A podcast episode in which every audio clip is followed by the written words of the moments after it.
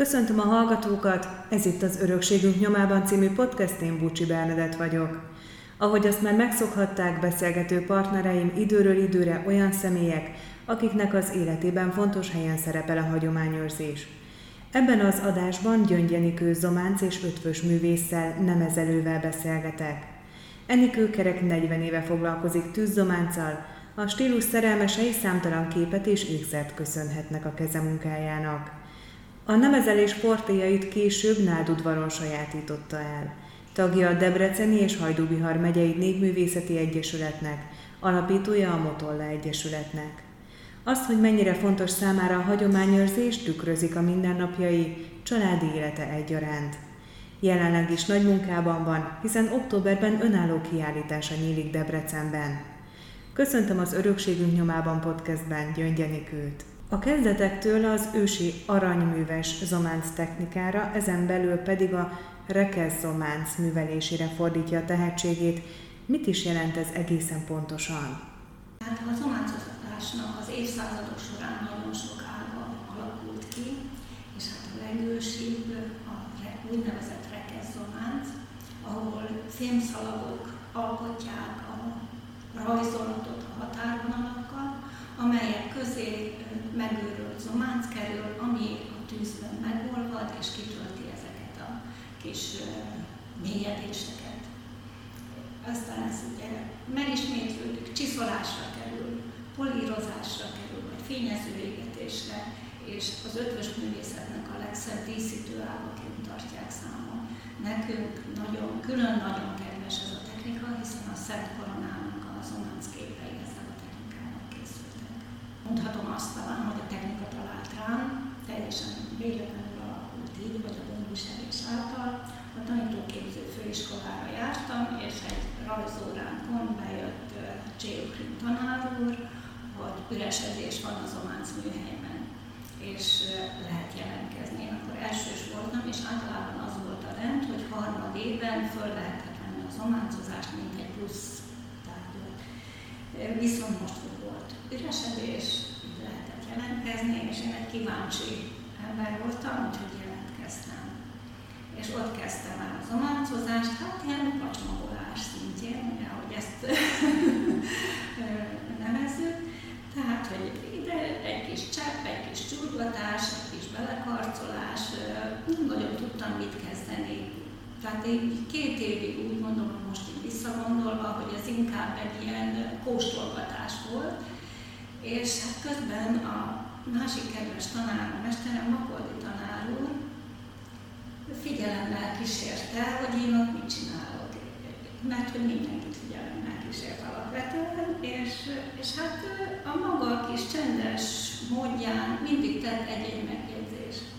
És hát csak úgy mondta, megdicsérte mindig az ember, tehát fantasztikus pedagógus volt, soha, soha nem bírált direktbe, vagy, vagy nem szólt le semmit, megdicsért, és aztán mondta, hogy hát de azért a, a Szent Korona, a Rekezzománc technika, a Szent László Herma, hát fogalmam sem volt, hogy, hogy miről beszél, és ugye elkezdtem egy kicsit én is utána nézni, ő is segített, Tibor tanár is segített, és hát úgy ki találtuk valahogy együtt, kinéztük, hogy drótokról van szó, abból kell valahogy a rajzolatot kialakítani, akkor még túl sok szakirodalom magyar nyelven nem volt, és, és hát így a magam feje után elkezdtem a műhelyben kísérletezni. És, és hát hajlítgattam, fölraktam, égettem, csiszoltam, egyre izgalmasabbá vált a dolog, volt nagyon sok kudarc élmény is benne, emlékszem, hogy az első rekezzoláncomat vaslemezre készítettem, és amikor csiszoltam, az olyan szépen levált. Tehát, hogy nyilván a technikának és az anyagnak megvannak a szabályai korlátai. Úgyhogy így a saját tapasztalatomon, vagy tapasztalataimmal indultam el, és, és elkészítettem az első sorozatokat, apró tárgyakat, még egy-két kezdetleges ékszert is, és, és hát így egyre jobban érdekessé vált ez a dolog. És amikor harmadéves voltam, akkor, akkor itt tanár úr javasolta, hogy írjak Kecskemétre, ott működött a Nemzetközi Zonászművészeti Alkotóműhely Kátai Mihály vezetésével, és az ő biztatására én írtam, és kaptam is egy választ, amit és tulajdonképpen a pályafutásom innen kezdődik. Tehát az első két és fél év az a, az, az ismerkedés volt, mondhatjuk így, és, és aztán ott pedig viharosan beindultak a dolgok.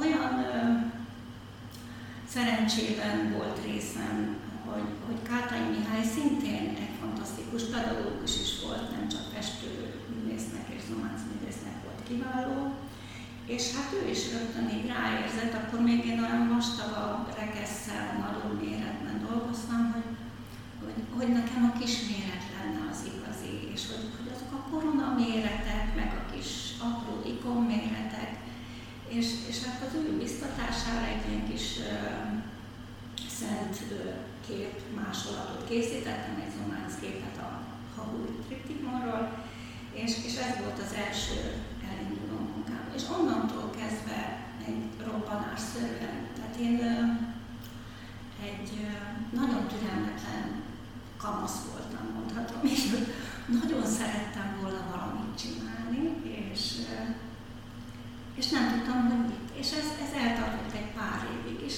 és, és hát, és Rembo volt a nagy példakép, meg, meg József Attila, meg Petőfi, tehát akik fiatalon már, már egy komoly életművet tettek és hogy, hogy hát én már itt vagyok, és ennyi éves vagyok, és fogalmam sincs, hogy mit akarok csinálni, e, ez, ez így nagyon feszített belülről. És, és azt mondhatom, hogy ott Kecskeméten, ahogy, ahogy ez a dolog rám talált, és én rátaláltam, ott, ott úgy a helyemre kerültem. És, és azt éreztem, hogy akkor, akkor ez megvan az életem. Itt vagyok. Minden, minden rendben van. És akkor onnantól kezdve elindult az életem. Én nem, nem készültem művésznek eredendően, tehát nem, nem voltak ilyen, ilyen fiatalkori vagy gyerekkori módon álmaim. Szerettem rajzolni, meg, meg jól rajzoltam, különösen a színek nagyon érdekeltek, szerettem játszani velük, de, de nem, ez, nem ez volt az elképzelés. Tehát családilag is édesanyám pedagógus volt, és így nagyjából körvonalazódott, hogy akkor én is pedagógus leszek, és, és arra készültem, hogy, hogy tanítóként majd valahol vidéken tanítani fogok. És, és hát ez olyan hirtelen történt, hogy, hogy itt nem, nem volt választási lehetőség. Kátai Mihály mondta, volt egy záró kiállítás a művésztelep után, hogy, hogy akkor most nem kéne ezt abba hagyni, és nem kéne máshova elmenni. Most végeztél, hagyj egy kis időt magadnak, és, és kezd el csinálni. És olyan szerencsés voltam, hogy támogató családban éltem, már akkor férjem voltam, a férjem szülei is mindent megtettek, és az én szüleim is ott támogassanak, segítsenek, amennyire tőlük tellett, úgyhogy nem kellett elmennem tanítani, otthon maradtam, és ezt kezdtem el csinálni. Már az is úgy kezdődött, ahogy elmentem Kecskemétre, nagyon-nagyon izgultam, és nagyon-nagyon. És ha a férjem nem kísérel, el sem mertem volna menni. Én a nagy művészek közé, hát hogy, hogy lehet ez? Mindenki ott már biztosan nagyon sok mindent tud, én meg a kis kezdő, hogy kerülök oda, tehát sírva váltunk el egymástól, tehát én sírtam konkrétan, tehát nagyon féltem. És, és én nem, nem gondoltam, hogy ebből egy ilyen élet lesz. Uh-huh. És közben meg, amiközben megéltem, akkor se, tehát hogy így nem, nem ilyen értelemben a saját életemmel kapcsolatban nem gondolkodtam a jövőn, mert ott volt a család, jöttek a gyerekek, és akkor a, a mindennapi dolgokon kellett gondolkodni, és, és amikor a gyerekek mellett tehettem, akkor leültem dolgozni.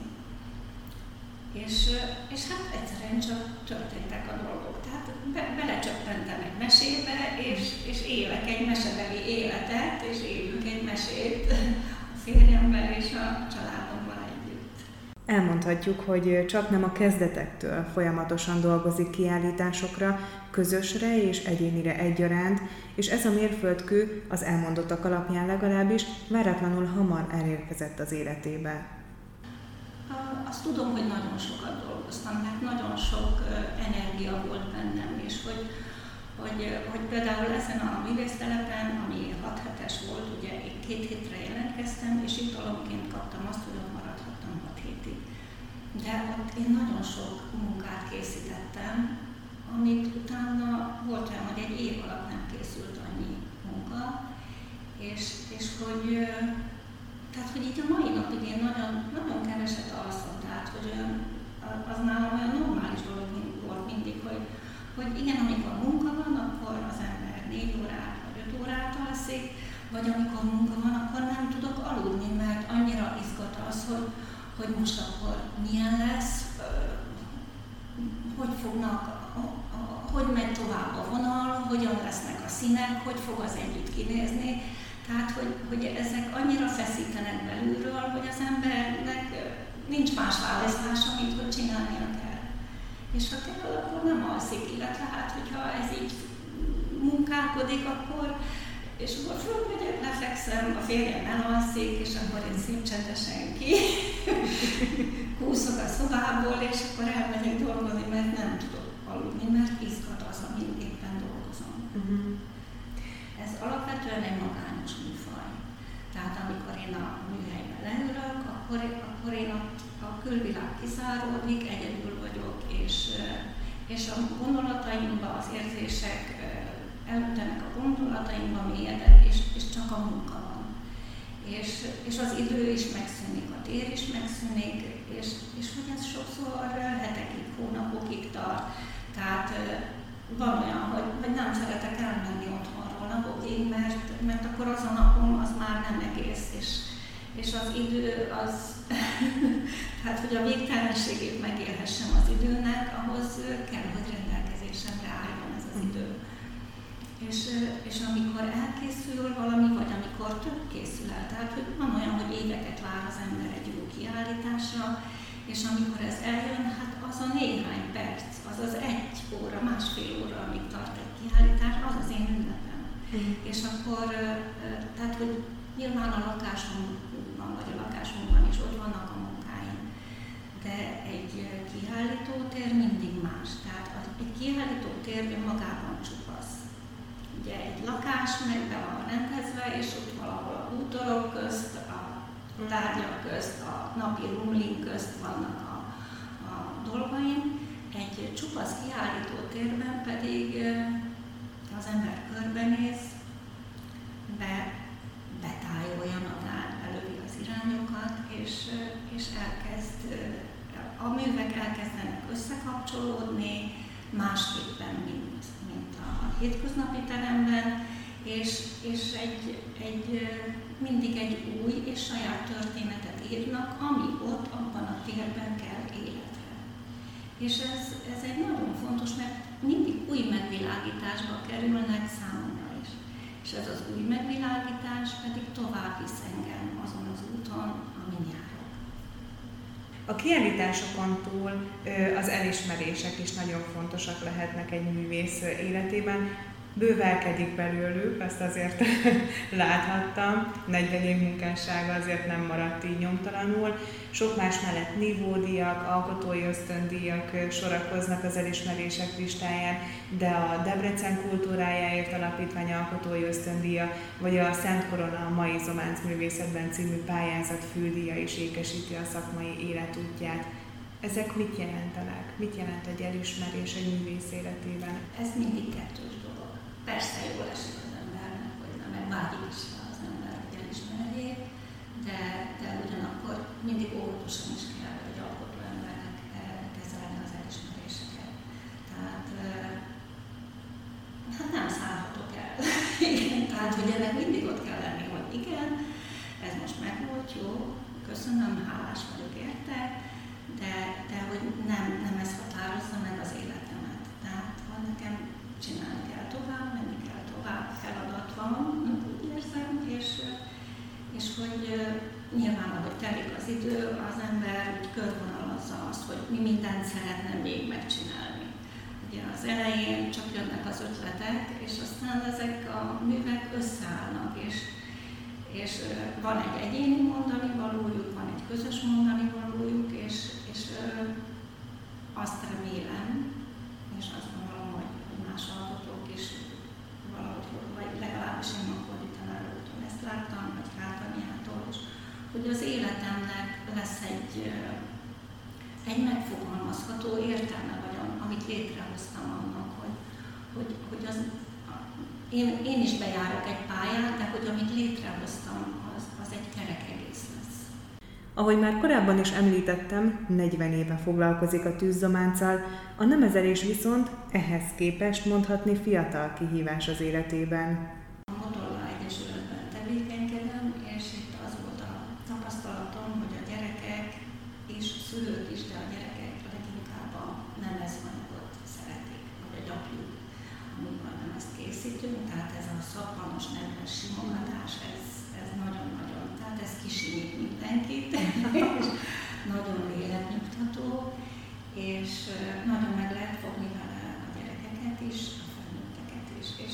szerettem volna ebben egy kicsit elmélyülni, egy kicsit képezni magam, és hát így kerültem Nádodvarra, és elvégeztem két év alatt a lemezkészítő szakmát, és annyira beleszerettem, és hát egyébként is már korábban is készültek ruhák, tehát az ékszerek ruhával együtt élnek. És terveztem korábban is ruhákat, a férjem édesanyja varta ezeket, de ott volt egy olyan probléma, hogy hogy nem mindig találtam megfelelő anyagokat. Tehát a műszálas anyagok távol állnak tőlem, és hát volt olyan időszak, amikor nehéz volt ezeket beszerezni, én külföldre nem tudtam ilyen anyagok után és, eh, és akkor így leálltunk ezzel a dologgal, és így akkor most, hogy nem ezt megtanultam, ennek kapcsán újra előjött ez az álom, és most nem ez ruhát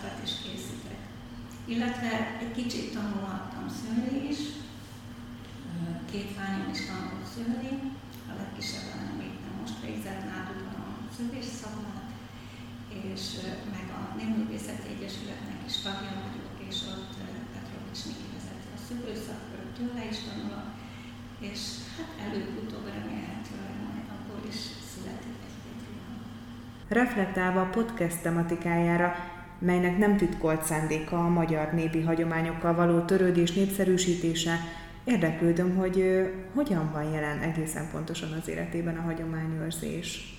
Egy kicsit visszakanyarodok megint a főiskolához, amit Makoldi tanárunknak köszönhetek szintén, mert ő hívta föl a figyelmünket az örökségünkre. Tehát volt nekem is valami családomban, de azt hiszem ez nem volt kellően hangsúlyozva, vagy én magam se fektettem nagy hangsúlyt erre, és, és Makoldi tanár úr hívta fel a figyelmünket, hogy ennek milyen nagy a jelentősége.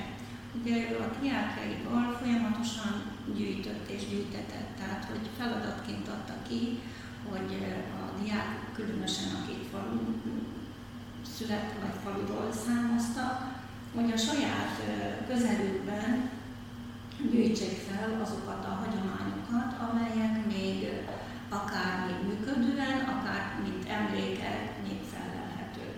És, és hát a tojásírásban születtek gyűjtések, amelyeket én magam is láttam a, a diáktársaimtól, aztán a bedlehemes témában nagyon kiadványai is lettek, és ugye, hát amikor én például megláttam, hogy Nyiracsár, ez én édesapám Nyiracsárról származik, hogy Nyiracsárnak is volt saját Betlehemes, ez olyan büszkeséggel töltötte. És, és hogy ezek révén az ember elkezdett másképp odafigyelni erre az örökségre. Tehát, hogy, hogy nekünk van ilyen, van múltunk, van hagyományunk, és ez nagyon fontossá vált. Hogy, hogy rádöbbentett arra tanárunk bennünket, hogy ez mekkora érték, és hogy ebből táplálkozhatunk, ebből tovább léphetünk, ezt tovább vihetjük, és tovább is adhatjuk ugye a gyerekeknek a, a tanítás révén, illetve hát amilyen közegbe kikikerül ugye én a, a munkáim révén, és, és hogy így a, azok a pillanatok, amit én gyerekként a nagyszüleimnál megéltem, ha ennek hatására idéződtek fel, és váltak fontossá.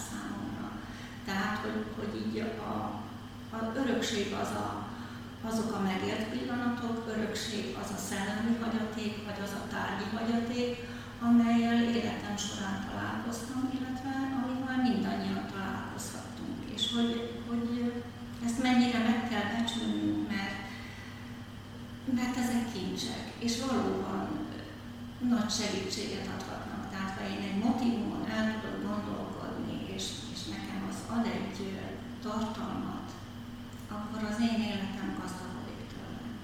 És mindannyiunk élete is gazdagodhat tőle, és, és hát tulajdonképpen a motolla így jött létre, hogy fiatalok voltak, születtek a gyerekeink, és szerettünk volna valamit adni a gyerekeinknek.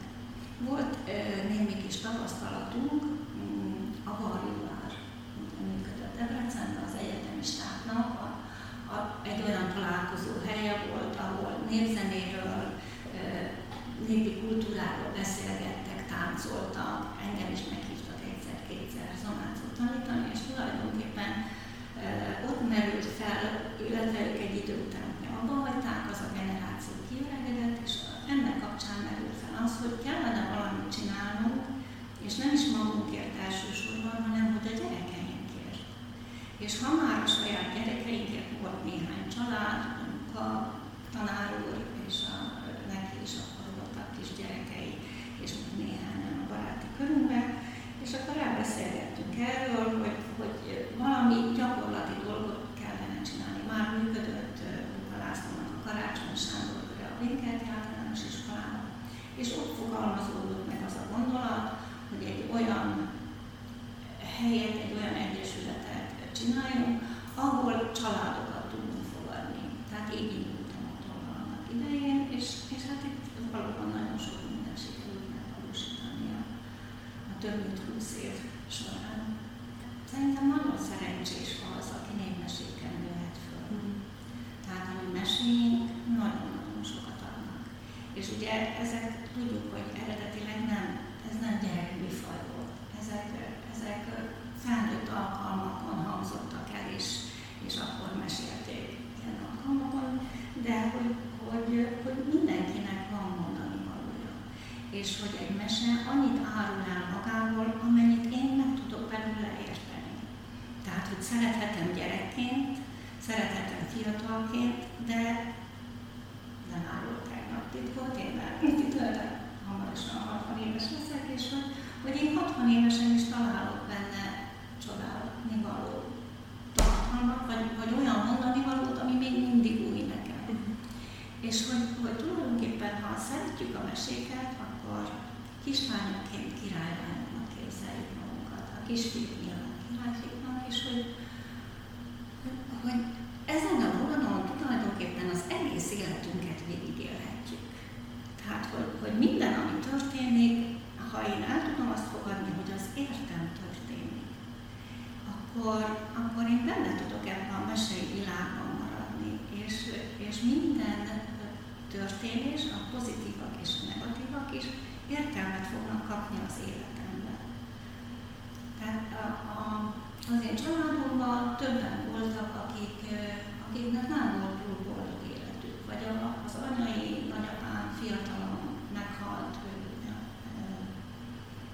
a domkanyarhoz került, és még elindult hazafelé, feladott egy üdvözlőlapot a feleségének, aki három pici gyerekkel volt otthon, mindössze három évet éltek együtt, és az a lap megérkezett, de ő soha nem érkezett meg. És tehát, hogy én annyira élem ezt a, a, a felmenőimnek az életét, az ő sorsukat, hogy, hogy akiknek nem sikerült, vagy nem úgy alakult az életük, hogy én viszem ezt tovább, és én helyettük valósítok meg valamit. És ez nekem nagyon nagy erőt ad, hogy érte is teszem, vagy a másikért, akinek más volt a sorsa, hogy, hogy, hogy ez az én személyes örökségem, és hogy, hogy ez visz engem előre, napról. A hagyományőrzés nem csak az önéletében van jelen, hanem egészen nyugodtan mondhatjuk, hogy a teljes családja életében. Aki kicsit is ismeri a Gyöngy családot Debrecenből, az tudhatja, hogy több ősi mesterséget is éltetnek, hogy a hagyományőrzés szervesen jelen van az életükben.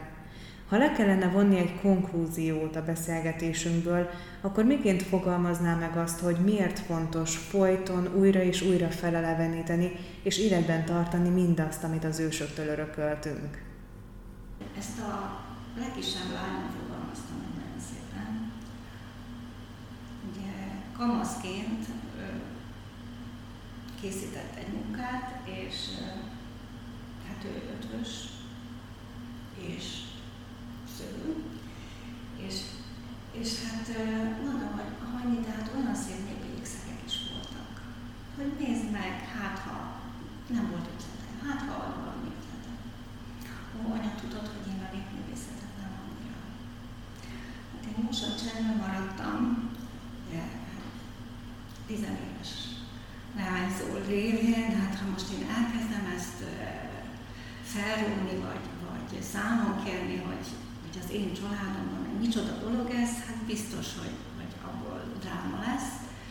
és minimum összeveszünk, és akkor így elhallgattam. És, és nem is esett erről többet szó, jobbnak láttam, hogy firtatom a dolgot. És hát a véletlen úgy hozta, hogy, hogy amikor végzett a Hóskárolyban, akkor ő nem akar még egyetemre menni. Tehát úgy érezte, hogy nincs itt az ide, és mondtam, hogy semmi baj. És gondolkodott, hogy most akkor elmenjen dolgozni, vagy mit csináljon. És mondtam, hogy, hogy olyan jó hely ez a nádudvar. Nem akarod megnézni? Mondom, én úgy szerettem, hogy én már akkor pont végeztem, és ugye a, a helyzet az, hogy végül is nálunk a, az öt gyerekből négy gyerek oda járt, plusz én is jártam oda. Tehát. és, és hogy tehát megnézni szívesen, és hogy a szövésőt érdekelte mindig, lehet, hogy azt kipróbálná. Tehát így került nádudvarra. És hát járt nádudvarra, kicsit féltem, hogy mi lesz ezzel a népművészethez való hozzáállási attitűddel, hogy, hogy hogy fogja ő megtalálni a helyet, és, és hát azért láttam, hogy, hogy egyre jobban szereti azokat a motivumokat, amiket szől, nagyon jó tanára van, Antalimula, és, és egyszer így csak úgy beszélgettünk, ketten ültünk a kanapén, aztán is anya, rájöttem valamire. Hát rájöttem, hogy mindennek a népművészet az alapja. Az ember bármit alkothat, lehet nagyon modern, lehet avantgárd, de annak a népművészetnek mindenben ott kell legyen a maga. Mert mindennek ad az a lényeget is tartalma. Hát olyan boldogság mutat el a szívemet. Tehát, hogy ő erre rátalált, és hogy, hogy megélhette azt, hogy erre magától talált rá. Ez nagyon-nagyon nagy gyönyörűség volt, és látom, hogy élvezi, és szereti, és remélem, hogy ez meg is marad, és, és hogy boldog lesz ezzel, megtalálja talán a számítását, és gyönyörűeket alkot, nagyon-nagyon büszke vagyok rá, nem csak rá, ugye, nem is természetesen. Tehát, hogy, hogy, hogy igen, el kell jutnunk addig a felismerésére, hogy azt, amit kaptunk, azt mint értéket tudjuk a saját életünkbe beépíteni, mint értéket tudjuk továbbadni. És ez bármi lehet. Lehet egy picike emlék, lehet egy, egy tárgy, lehet egy történet. Nálunk például a anyukám mesélte, hogy, hogy neki még a dédmamája mesélte, kicsoda, de hogy hadd volt a Rózsa Sándor lovát. Tehát egy ilyen apróság, ó, hát ez mekkora. Akkor is, ha csak ez, ez csak mondom. Lehet, hogy nem volt igaz, de én elhiszem, igaz volt. Ha ő elhitte, akkor nekem is el kell hinnem. És akkor, hogy ez is ad egy olyan, olyan többletet az embernek, hogy valahogy kapcsolódom a múlthoz.